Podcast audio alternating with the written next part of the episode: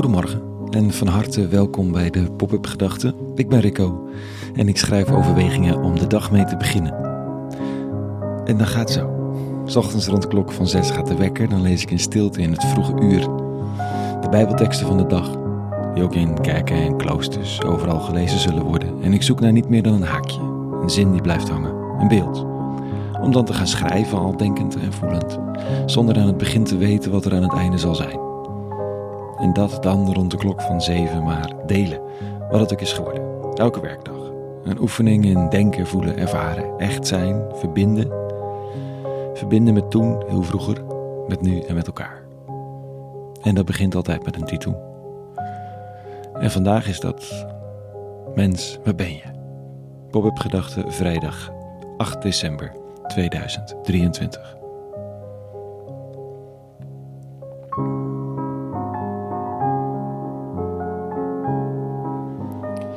Ben ik beschikbaar?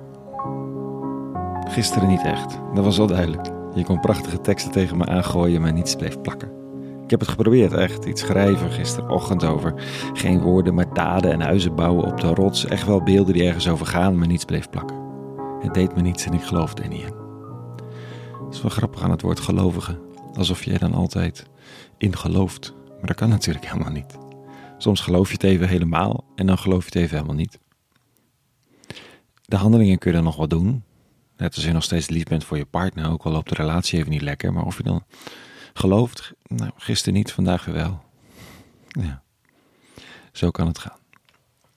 Gisteravond speelde Laura van Doron de voorstelling Heel in het Frascati Theater. En ze laat je alle hoeken van je binnenwereld zien. Een vrouw op de theatervloer met een bonk tekst in haar hand die ze dan uitspreekt.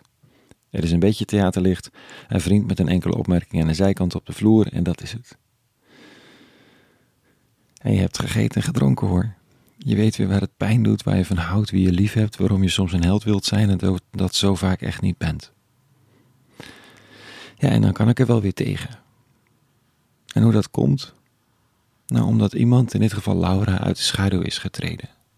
Uit de schaduwen van het gewone leven, de bosjes waarin we ons als mensen verstopt houden terwijl we elkaar passeren in het dagelijks leven. We beschermen onszelf, zei ze, en ze wees op alle schermen waarmee we ons de hele dag van elkaar afschermen. Beschermen, dat doen we, zodat we elkaar niet hoeven zien. En vandaag in de lezing van de dag roept de eeuwige de oermens uit het struikgewas, Adam, de mensheid, die bestond in man en vrouw, in de Hof van Eden. Het paradijs, daar zo in het Midden-Oosten, mogelijk ergens rond het huidige Irak. Paradijselijk, dat was het, zo zeggen de teksten. Niet om een geologische geschiedenis van aarde en mensheid te geven, maar om de mens te duiden, jij en ik, onze oervorm. En dit staat er. Nadat Adam van de boom gegeten had, riep God de Heer de mens: Waar ben je? Hij antwoordde: Ik hoorde u in de tuin en werd bang omdat ik naakt ben, daarom verborg ik me. Nou, daar ga je. We hoorden iemand in de tuin, werden bang, terwijl het een vertrouwd geluid was, want de eeuwig en Adam wandelden zogezegd graag door de tuin. Maar Adam was bang. Hij had een poging gedaan om de plek van God de eeuwige zelf over te nemen, en nu voelde hij zich naakt, kwetsbaar, schuldig en verborg zich. Zo, welkom bij de mensheid. Bij jou, bij mij. Bang, kwetsbaar, schuldig en verborgen. En stemmen die roepen, waar ben je? Nog moedig dat Adam antwoordt. Velen van ons antwoorden überhaupt toch al niet meer op die vraag houden zich muisstil in het struikgewas, wachten tot de ander weg is of het heeft opgegeven en komen dan tevoorschijn. Om zich meteen te verbergen als de stem weer langskomt. Leven in het struikgewas, met af en toe een uitstapje naar het open veld als niemand kijkt. Omdat we bang zijn, omdat we naakt zijn, allemaal. Adam antwoordt, hij hoort de stem en vertelt wat er aan de hand is. Misschien is dat nog wel veel groter dan het hele paradijselijke dat eraan vooraf ging. Misschien is Adam niet een gevallen mens, maar eerder een mens die opstaat.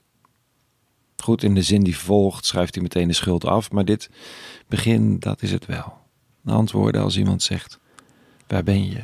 En vertellen dat je bang bent en dat je je daarom verborgen houdt. Niet je angst overschreeuwen, niet de angst je de baas laten zijn. Maar met het vertellen valt de macht wat weg en is er ruimte voor herstel en nieuw leven.